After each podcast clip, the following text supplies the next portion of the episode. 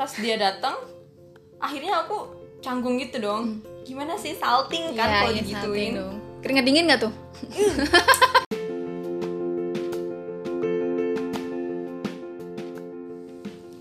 Assalamualaikum warahmatullahi wabarakatuh. Selamat datang kembali di One Story Podcast bersama aku Awanda. Halo halo. Ah, Hari ini aku mau mengangkat topik yang mungkin sedikit berbobot ya. Insya Allah berbobot. Ah, Dan ini tuh obrolan yang mungkin menyentakkan hati para generasi 90-an Apalagi sih, tak lain dan tak bukan adalah tentang jodoh. Tentang jodoh guys. Nah hari ini aku tuh bakal eh, mengundang satu narasumber teman aku. Yang itu kisah kisahnya dia itu sampai bertemu dengan jodohnya saat ini itu bikin aku percaya banget kalau jodoh itu memang bener-bener rahasia Allah. Jadi keep faith, patience, and pray. Karena jodoh itu bakal datang di waktu yang tepat dengan orang yang tepat dan insya Allah dengan cara yang tepat. Siapa narasumber kita hari ini? Halo, selamat datang NH. Namanya disamarkan. Namanya disamarkan ya. Selamat datang NH. Apa kabar? alhamdulillah baik Nah, eh, ini apa namanya sekarang tuh kan banyak ya eh, di Instagram Instagram tuh ya. Kalau misalnya ada acara pertunangan lah, pernikahan lah, atau misalnya kita punya eh, kita, maksudnya teman-teman tuh pada punya baby, itu mereka pada suka up di Instagram. Nah, itu tuh sekarang tuh bikin orang-orang tuh pada yang lihat tuh semakin iri dan pada galau nih, yang pada belum punya gandengan, jadi kayak buru-buru pengen nikah, pengen pengen ketemu sama jodoh gitu-gitu kan. Nah, kamu tuh dulu pernah nggak sih ngalami fase-fase kayak gitu yang di mana kalau ngelihat teman-temanmu udah pada nikah atau udah punya baby gitu, itu pengen buru-buru gitu nggak sih? enggak ya soalnya lingkungan sekitar teman-teman dekat juga belum banyak banget yang udah nikah Mm-mm. kalau punya pacar emang semua udah punya cuman kalau untuk nikah dan punya anak tuh masih jarang Mm-mm. jadi masih santai aja Mm-mm. dan ada beberapa juga teman yang masih bisa kita ajak main misalnya bisa aku ajak main jadinya aku nggak terlalu yang kayak ditinggal sendiri gitu loh. Mm-mm. jadinya ya santai aja. Nggak ya? pernah mikirin yang gue harus cepet-cepet punya pasangan nih teman-teman gue udah pada, pada udah pada punya pacar semua. Nggak pernah sih selalu aja. Jadi nggak ambil pusing banget ya sama nggak kayak ambil gitu. pusing sama Soalnya kalau teman-teman aku tuh kayaknya banyak yang kayak eh gue pengen tuh cepet-cepet nikah kayak si itu gitu kan. Gue pengen cepet punya anak tuh kayak si B kayak gitu-gitu. Nikah itu yang susah zaman sekarang biaya. Iya sih bener banget finansial itu yang pertama ya kan? Mm. punya anak itu yang susah adalah hamil. Emang dikira orang hamil 9 bulan tuh gampang? Lo lahiran juga mahal loh ya apalagi kalau sesar cuy. Berapa puluh juta itu? Ya gitu. Lah. Memang sih harus dipikir-pikir lebih eh, dalam lagi gitu kan ya.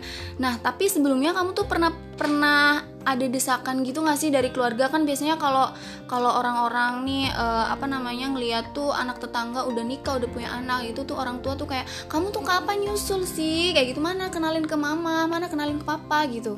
pernah nggak ya Eh, kayaknya enggak deh ya nggak ada. kayaknya enggak ada desakan Jadi orang tua juga slow aja. Slow aja sampai ketika Mm-mm. tetangga gue sendiri Mm-mm. tetangga aku sendiri itu yang anaknya seumuran aku dua orang Mm-mm. nikah jadi saat Oh. saat dua-duanya udah nikah Iya. baru deh aku ada desakan tapi sebelum itu masih santai Masih aja santai aja. Oke, jadi ya itu tadi berarti karena ngel- apa ngelihat yang tetangga deket gitu, lingkungan ya, ibaratnya lingkungan di situ tuh juga udah mulai kayak gini, akhirnya kayak terpancing juga, aduh anak gue kok belum nikah juga ya. Iya gitu. desakannya ya karena ngeliat tetangga sebelah ya. Iya benar-benar sih, ya itu tadi lingkungan. Terus eh, suka dijulitin juga nggak sih sama orang-orang? Entah itu dari teman-teman eh, main, teman-teman kerja atau di lingkungan kerjaan gitu-gitu. Kalau ih kapan kamu nyusul? Kok kamu belum nikah sih? Kayak gitu-gitu. nggak tahu ya itu namanya dijulitin atau enggak karena setiap orang yang nanya atau eh, ngomong kayak gitulah nggak pernah ngerasa kayak eh gue harus kayak gitu nih gue harus eh, ngelakuin apa yang dia omongin. Nggak pernah sih jadi mungkin itu julid tapi karena aku yang sendiri nggak ngerasa jadinya ya bodo amat lah Santai gitu. aja Nah, gitu ya. santai aja. Kan, "Uh, santai banget nih hidupnya bener-bener deh. Nggak diambil pusing. Kan ada Allah. Oh masya allah. Gimana sih prosesnya kamu sampai bisa bertemu dengan jodoh atau yang udah jadi bapak suami eh bapak suami suami kamu sekarang gitu. Itu prosesnya gimana? Ini tuh kayak unik banget dan cepet gitu loh prosesnya. Boleh diceritain nggak? Oke, pertama-tama hari ini 30 Juni adalah satu tahunnya aku ketemu sama suami aku yang sekarang. oh happy anniversary. Hari ini nih 30 Juni 2019 tahun kemarin, Mm, temen aku ada yang ngadain nikahan. mm, mm. Nah, terus aku sama teman-teman aku yang lain datang nih. Nah, di situlah aku ketemu sama suami aku yang sekarang. Mm, mm. Kenapa aku mau datang jauh-jauh tuh di Pandeglang ya? Di oh Pandeglang. jauh loh. banget cuy Itu karena sebelum aku kerja di yang sekarang, Iya. teman-teman aku yang kerja di kerjaan kemarin itu di kantor kemarin Mm, mm. selalu ngasih tahu aku banyak-banyakin reuni siapa tahu aja dapat jodoh sebenarnya dramanya banyak banget ya. Ya tadi yang tadi aku ceritain karena orang tua aku ngeliat tetangga aku udah pada nikah terus aku masih gini-gini aja akhirnya ngejodohin aku sama orang yang aku nggak suka. Mm. dan maksa-maksa ya dalam artian maksa ngasih pengertian terus ngasih pengertian. Cuman kesannya kayak maksa gitu ya. Iya. Sampai nyuruh sepupu aku yang deket sama aku aja harus bilangin aku gitu. Mm. oh supaya buru-buru. Bukan buru-buru sih supaya mau aja sama oh ini itu baik oh loh iya. gitu. Heeh, Nah, heeh. Akhirnya dengan kekuatan doa ya. Masya allah. Jadi sebelum tanggal 1 itu Mm. karena aku lagi pusing banget ya kan menurut aku ini udah masalah udah besar banget lah di hidup aku masalah ini. Karena nggak sebelumnya tuh santai banget hidup aku. Tiba-tiba Tiba-tiba orang langsung kayak ya, gini ya. Akhirnya aku tahajud coba tahajud coba mendekatkan diri sama Allah ya kan? Coba tahajud coba mendekatkan diri sama Allah. Minta yang terbaik minta didekatkan dengan jodoh. Nah tanggal 30 Juni itu aku ketemu dia. Mm-mm. tanggal 1 aku WA segala macem kita deket gitu. Iya. dari situ aku ngerasa kayak kok kayaknya dia jodoh aku deh Heeh. kayak banyak banget kesamaan aku sama dia gitu Heeh. kan katanya jodoh mirip ya nggak Iya sih kan? Heeh, heeh, bener Dan terus ada juga yang bilang katanya muka aku sama muka dia mirip. Nah, itu itu udah udah satu ini tahu, satu tanda tahu, pertanda kalau oh ternyata mungkin ini jodoh. Heeh, heeh. Terus nyambung juga waktu itu ngobrolnya. Iya. Ngom- ngobrolnya nyambung. Eh, terus katanya mukanya mirip. Mirip, iya. Nah, terus yang kenapa aku bisa nyambung sama dia? Karena dia adalah teman kuliah aku selama 4 tahun, Oke. tapi aku nggak pernah sapa-sapaan sama dia. Kok Selama 4 tahun. bisa sih? Itu kalian itu satu kelas itu ada berapa ratus orang emang sampai nggak pernah sapa-sapaan? Ada 40 orang satu Cuma kelas. 40. Ah, ah. Dan please ya, itu 40 bisa sampai dua orang itu nggak saling bertegur sapa itu aneh sih. Sumpah itu aneh banget. Ya karena apa ya? Eh, kita main dengan orang yang berbeda gitu. Kita main dengan orang yang berbeda. Aku cuma tahu oh itu si ini. Iya. Dan dia cuma tahu oh itu si ini gitu. Udah selesai. Udah cuma tahu gitu doang. Tapi- cuma, cuma tahu gitu doang. Tapi nggak mungkin kalau nggak sampai bertegur sapa. Sumpah, aku selama 4 tahun kalau aku inget-inget aku nggak pernah sapa-sapaan sama dia. Bener-bener nggak pernah sapa-sapaan. Ya ampun. Sampai teman aku aja yang tahu kaget. Heeh, Banyak banget yang kaget. heeh, pasti. Gue juga kaget sih. Terus kenapa kita bisa klop juga? Kenapa dia bisa langsung eh, mau juga gitu suka sama aku? Mm-mm. Eh, karena dia itu dari pertama kuliah, pas ngeliat aku kita kuliah itu pas perta- tahun pertama lah, dia tuh udah suka sama aku. Dia Oh. pertama ngeliat karena langsung suka. Tapi aku baru tahu nih pas udah dekat sama dia kan. Mm-mm. Nah, Berarti kan- cinta pada pandangan pertama dong.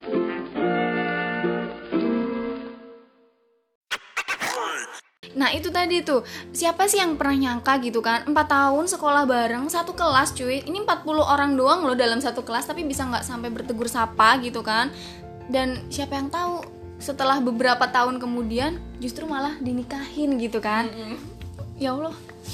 Aku terharu gitu loh Kayak Masya Allah gitu. Ini bener adanya gitu Dan ini kejadian. Ini di depan mata temen aku sendiri gitu yang ngalaminya Dan gitu sebelum kita deket itu, waktu ke nikahan temen aku itu, ya eh, itu kan aku ke nikahan sama ke nikahan temen aku kan berlima. ya dua di antaranya itu teman deket banget aku Mm-mm. dan dua-duanya itu baru ketemu hari itu Iya. dan mereka dua-duanya Hmm? bilang hal yang sama tentang kenapa lo nggak coba deket sama nih cowok Heeh, oke. dua-duanya dan aku di situ kaget Heeh.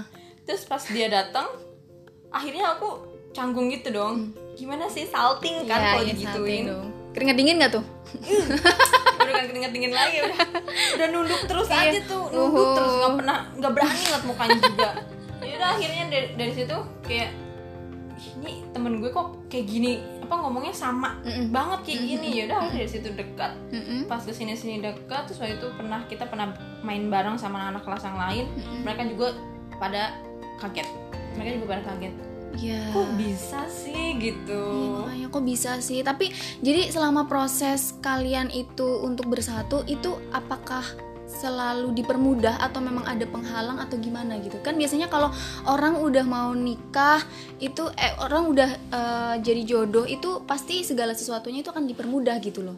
Kalau di lu sendiri gimana? S- pertama kali deket sih bilang sama orang tua orang tua tadinya nggak setuju ya. Mm-mm. cuman pas ke sini sini ngeliat Mm-mm. ya perjuangan segala macem. Mm-mm. akhirnya setuju terus eh, ke sini sini malah orang tua sayang banget kan sama dia. oh iya, iya. malah kayak aku dia anak tirikan lah gitu. Ini yang menantu yang mana gitu ya? Ya ini menantu yang mana anak yang mana? Hmm gitu. Jadi awalnya tuh orang tua sempet kayak Belum serak gitu kali ya. Tapi terus tiba-tiba Nah gimana lu bisa meyakinkan ini Sampai orang tua tuh bener-bener 100% terima gitu. Pertama doa ya selalu doa Doa maksudnya pertama. Nggak tahu kenapa karena hati aku tuh udah yang Ini udah yakin ya orangnya udah, udah gitu, yakin gitu. Dan nggak tahu gimana tiba-tiba orang tua oke doa nggak putus terus bener-bener yang Bismillah terus lah semoga eh, Allah mengizinkan sampai orang tua tuh mengiyakan gitu. Iya. Dan akhirnya Sampai di titik yang sekarang ini ya. Jadi tuh eh, deket dari bulan Juli Agustus September Oktober lamaran November Desember Januari Februari nyiapin nikah Rab- terus Maret, nikah. Nikah. April Mei Juni sekarang udah jadi suami istri. Nah itu Itu tuh prosesnya singkat banget loh En. Banget. Banget. Jadi kayak apa tadi perkenalannya tuh ibaratnya tahun lalu Juni ya. Terus apa namanya kalian deket deket deket terus apa tadi Oktober ya? Iya, lamaran Oktober. lamaran tuh Oktober. Jadi dari Juni sampai ke Oktober tuh Juli Agustus September Oktober cuma empat bulan cuy. Udah langsung di kalau orang Jawa bilang tuh ditembung apa tuh? Ditembung tuh apa ya? Diminta izin gitu loh. Jadi langsung diminta izin saya mau sama anak bapak kayak gitu. Nah terus tahu-tahu bulan Maret ya berarti November Desember Januari Februari empat bulan lagi. Jadi cuma jaraknya empat bulan empat bulan dan akhirnya resmi jadi Suami suami, istri, dan emang dipermudah banget sih. Waktu nikahan juga maksudnya eh, mungkin banyak orang yang aduh gue kemarin nikahan kurang ini kurang itu kurang itu. Tapi waktu aku nikahan sih alhamdulillah nggak nggak ada yang kayak gitu maksudnya makanan semua orang pada suka Ya. dekor orang juga pada bilang bagus ya terus eh, ya mudah-mudahan sih nggak ada omongan jelek lah Iya, ya amin, aku sih amin. nggak nggak dengar ada omongan jelek Iya. gitu jadi permudah aja lah gitu alhamdulillah Iya bener banget sih. Ih keren tahu Tapi itu emang pas nikahan juga make upnya bagus sih. Aku akuin itu bagus banget tahu Gila, kamu datang Iya Jadi kayak bikin pangling gitu Ih En cakep bener gitu. Karena banyak sih yang yang bilangnya gitu "Eh, Si En ini ya make upnya uh, glowing alus gitu loh. Oh, serius, iya? eh, serius aku denger juga kok Eh, Apa namanya make upnya alus gitu. Katanya gitu. Pokoknya bagus sih bagus. Pokoknya jadinya dipermudah lah ya semuanya. Terus juga ini enggak sih Kayak eh, Maret itu kan awal-awal pandemi mau muncul ya nggak sih dan kamu tuh udah nikah gitu tuh bersyukur banget nggak sih itu salah satu harus yang disyukuri juga nggak sih Jadi waktu pandemi itu kan awal Maret kan, itu masih 14 hari lagi Mm-mm. untuk menuju pernikahan aku, hari pernikahan. Dan itu langsung yang dak dikduk dong. Nanti gimana kalau nggak ada yang datang? ya Karena bener-bener ini kan yang namanya resepsi pasti banyak orang. Banyak orang. banyak yang kumpul. iya Tapi ya alhamdulillah sih eh, yang diundang berapa, yang datang berapa masih banyak gitu. Yang yang datang tuh masih banyak. Dan selama prosesnya itu pun alhamdulillah juga nggak ada yang terkena yang terinfeksi gitu ya setelah dari kondangan itu. Iya. Dan akhirnya minggu depan Udah. Sabtu minggu depannya udah total boleh. iya Ha. benar udah total lockdown coba kalau kamu pilihnya tuh nikahan di akhir bulan itu hmm, apa dibatal-batalin semua ya nggak sih udah orang-orang pada nggak dateng Nanti aku dekornya kantor aja ya. ditangkap sama satpol pp nggak boleh kumpul-kumpul di situ ya nggak alhamdulillah banget lah. Ya emang dimudahin tuh gitu ya. iya benar itu Ada benar corona aja kita masih bisa gelar pesta. Iya bener bener-bener sih. Iya aku juga baru kepikiran sekarang gitu karena setelah itu tuh bener-bener yang lockdown total nggak boleh ada acara meriah-meriah nikah-nikahan kayak gitu ya kan. banyak banget juga yang bilang alhamdulillah banget lo udah gitu. Mm-mm. coba kalau misalkan diundur seminggu lagi Mm-mm. zong. Nah terus sekarang kamu sama suami kamu itu eh, kan tinggal eh tinggalnya bareng atau gimana? kan Eh, kan tadinya sebelum corona ini kan kita eh, karena dia rumahnya jauh dan aku rumahnya di Tangerang sini mm, eh, kita udah dia udah punya rumah nih di tengah-tengah daerah kita. Mm, nah tadi kita pengen tinggal di situ. Cuman karena corona kayak gini jadi transportasinya itu yang dari rumah ke kantor nggak ada Oke. jadinya ya dia tinggal sama mamahnya dulu ya aku tinggal sama mamah aku Aduh, dulu jadi gitu. terpaksa untuk saat ini LDM dulu ya. Terus gimana menyikapinya? eh, aduh, pengantin baru terus langsung harus LDM tuh gimana sih rasanya? gimana sih seminggu cuti seminggu cuti biasa tidur sama suami kan bisa biasa ada yang nemenin terus tiba-tiba seminggu nggak ada terus nanti ketemu cuma sabtu minggu doang ya ampun itu kayak ini gue sebenarnya pengen suami atau enggak sih Malah suaminya bingung ini istri aku sebenarnya masih inget gak sih punya suami di sana gitu ya kan? Aduh, istrinya kerja mulu gitu kan. Aduh, ya begitulah mungkin ini cobaan awal pernikahan ya. Harus berdamai dengan corona dan jarak begitu. Yang sabar ya. udah udah sabar banget tapi ke sini sini nih kayaknya new, normal juga kayaknya aku bakal pindah juga deh ke sana soalnya eh, transportasinya udah ada transportasinya Oh, udah ada oke. mudah-mudahan ya mudah-mudahan dipermudah lagi lah kayak gimana Amin, nikah amin. dipermudah ya Iya kan? benar amin ya robbal alamin. Nah terus seperti yang aku bilang tadi tuh ya namanya jodoh itu kan rahasia Allah ya kan. iya Nah eh, mungkin bisa dibilang kamu tuh udah ada di pelaminan itu udah cukup membuktikan bahwa mungkin insya Allah kalian berjodoh. Tapi kamu benar-benar percaya nggak sih kalau sekarang yang jadi pasangan kamu itu adalah jodoh kamu? percaya sih karena apa yang aku minta sama Allah ketika doa itu bener-bener aku ngerasain ada di dia semua makanya kita kalau berdoa tuh jangan cuma minta pasangan yang baik doang tapi keluarganya juga. Dan keluarganya itu baik banget baik banget. Apalagi mama. Iya. mama mertua aku tuh nganggap aku udah kayak anak sendiri. Banyak banget yang bilang juga Mm-mm. kalau mamahnya itu mirip aku. Mm. jadi sangkanya aku adalah Saudara anaknya. kandungnya gitu ya? anaknya. Oke, tuh berarti ya itu itu yang cukup bikin kamu yakin sih ya. Makanya kenapa dia yakin lah insya Allah dia adalah jodoh dunia akhiratku gitu ya. Karena banyak kemiripan di antara banyak kalian. banget. Banyak banget miripnya. Aku mirip sama siapa ya? Eh, aku selama kuliah putus sama pacar sampai sekarang nih nggak punya pacar. Sebelum nikah ini nggak pernah galauin cowok sih. Alhamdulillah banget nggak pernah galauin cowok. Malah harus lebih deket sama Allah. Benar benar benar. biar dapet jodoh yang kita mau gitu Iya, kan. Iya benar. itu galau tahun kemarin doang sama orang tua galau orang tua itu mah Galau sama orang tapi kan cuma sesaat ya Iya, nggak sih? alhamdulillah banget Tahu-tahu langsung datang eh, pengganti yang lebih baik gitu loh. Iya. Ya, itulah tadi ya salah satu cerita yang ih, itu amazing banget sih buat aku. Nah, terus kamu kira-kira ada nggak sih saran buat para muda-mudi di luar sana nih yang pada hobinya tuh galau mikirin jodoh mulu gitu ada nggak sih saran buat mereka supaya ya gimana cara menjemput jodoh yang baik dan benar gitu? Ah, kalau itu semuanya ada di panduan buku-buku Islami ya. Ya siapa tahu mau nulis buku gitu loh Tapi kasih saran dulu. menurut pribadi aku yang aku alamin Mm-mm.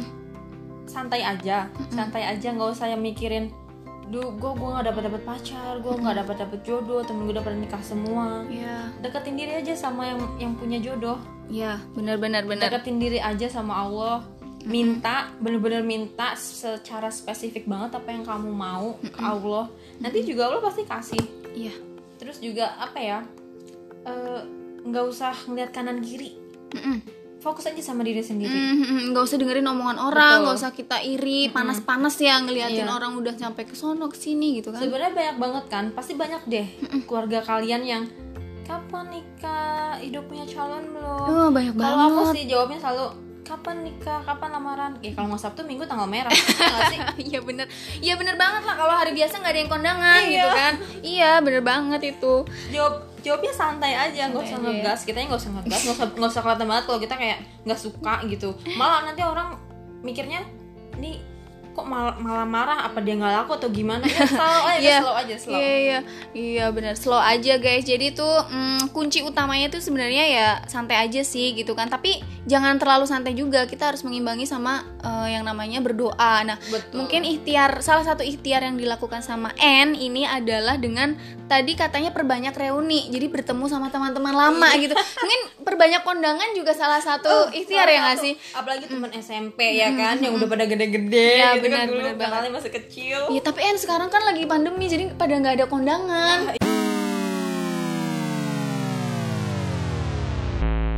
gitu jodoh itu emang unik sih kadang sering kali yang kita kejar bener-bener getol gitu kan itu malah malah makin jauh gitu mm -hmm. loh nggak sih terus malah yang nggak sengaja yang selama ini kita abaikan atau nggak pernah kita pikirkan sama sekali itu malah mendekat dengan sendirinya. Bener nggak? Betul banget udah kayak awan udah teguh nggak nih? Bijak benar gitu. Ya sekali lagi ya namanya jodoh itu adalah rahasia Allah. Jadi kalau uh, berharap untuk bisa segera bertemu jodoh yang pertama itu ikhtiar yang kedua itu bersabar dan yang ketiga itu adalah berdoa ya salah satunya yaitu harus rajin tuh sholat tahajud tuh seperti yang dilakukan sama N dan itu bener-bener terbukti ampuh dia bertemu sama sang jodoh gitu. Makanya jodoh tuh jangan dipaksa jangan memaksa dan jangan terpaksa gitu. Ya makasih banyak En hari ini aku ditemani buat ngobrol-ngobrol seputar jodoh adalah rahasia Allah. Nanti nextnya kamu mau lagi nggak aku undang jadi narasumber? Duh, masalah apa nih? Kalau masalah jodoh lagi boleh deh jadi yang bisa aku tarik dari obrolan kita hari ini adalah jangan pernah lelah untuk berdoa dan berdoalah sampai apa yang kamu inginkan bisa terwujud. Karena Allah tahu yang terbaik untuk umatnya. Dan semakin sering kita berdoa, semakin baik kualitas doa kita, maka nggak ada yang mustahil untuk Allah. Ibarat kita minum obat, kalau minumnya rutin dengan dosis yang tepat, orang sakit pasti sembuh.